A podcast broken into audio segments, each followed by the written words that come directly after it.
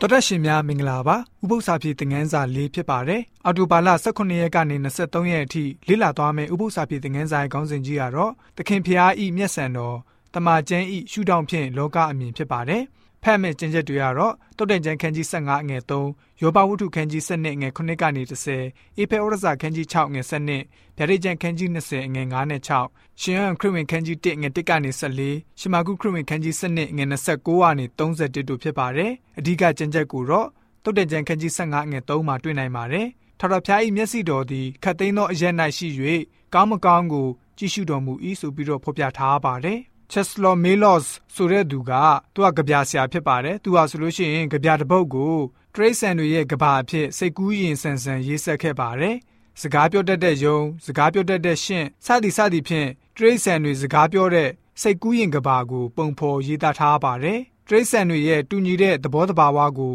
သူဟာရေးဖွဲ့ပါတယ်သူရဲ့ရေးသားချက်မှာဆိုလို့ရှိရင်ကဘာကြီးကိုကျွန်တော်တို့သတိပြုမိမယ်ဆိုရင် လူသားလောကအပြင်အခြားလောကသားတွေလည်းရှိတယ်လို့ဆိုထားပါတယ်။ကြပြာကိုအဆုံးသတ်သွားပုံကတော့စဉ်းစားလေတုံလုံးရလေဖြစ်ပါတယ်။တုံလုံးရတယ်လို့ပြောတဲ့ခါကျတော့စကလုံးကကြီးကျယ်လွန်းလာမယ်လို့ထင်လာပါတယ်။သို့တော့အမှန်တကယ်ပဲဖြစ်ပါတယ်။လူသားတွေအနေနဲ့ကဘာကြီးအကြောင်းကိုစဉ်းစားလိုက်တိုင်းအလွယ်လွယ်အမှားမှားဖြစ်ခဲ့ရပါတယ်။ဥပမာနှစ်ပေါင်း2000နီးပါးက